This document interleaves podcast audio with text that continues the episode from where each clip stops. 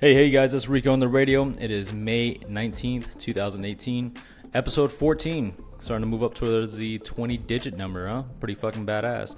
So, if you guys haven't checked out Battlefield Parenthood, um, Tactical Manual for Veteran Parents, it's on Amazon. Check it out. And also, the other second book that I wrote was A Rise of the Vetrepreneur, where we capture the journey of the veteran entrepreneurship. I think it's a great book, great reference point blueprint to actually help um, veterans and also veteran spouses to go down the entrepreneur route. So check it out. Let me know what you guys think, okay?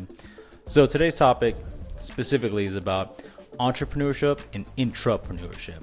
Obviously, we know what entrepreneurship is about. Entrepreneurship is about seeking to own your own business, your own product, service, and taking it to strategy or having a strategy to take it to go to market strategy, right?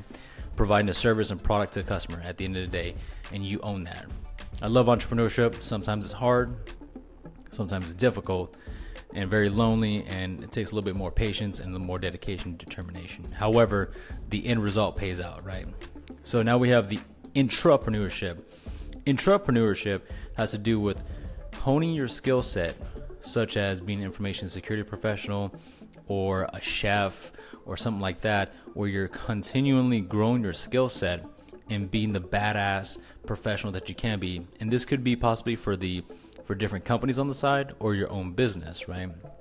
So, as an intrapreneurship, you're investing in your skill set, which is fantastic. It's always a good thing to to reinvent yourself and recompound those skill sets of uh, professional development, right?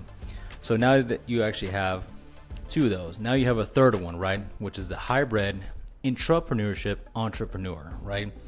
And what this is is somebody who's a, a really good person at their skill set that's working for a business that continually compounds their skill set over time and time and again and is actually working towards a goal and achievement such as an executive level or something like that, right?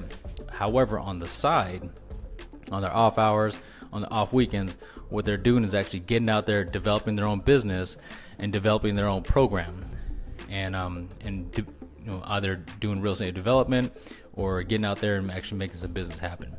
So the reason these are important is they all lead up to one. They all lead up to entrepreneurship, right?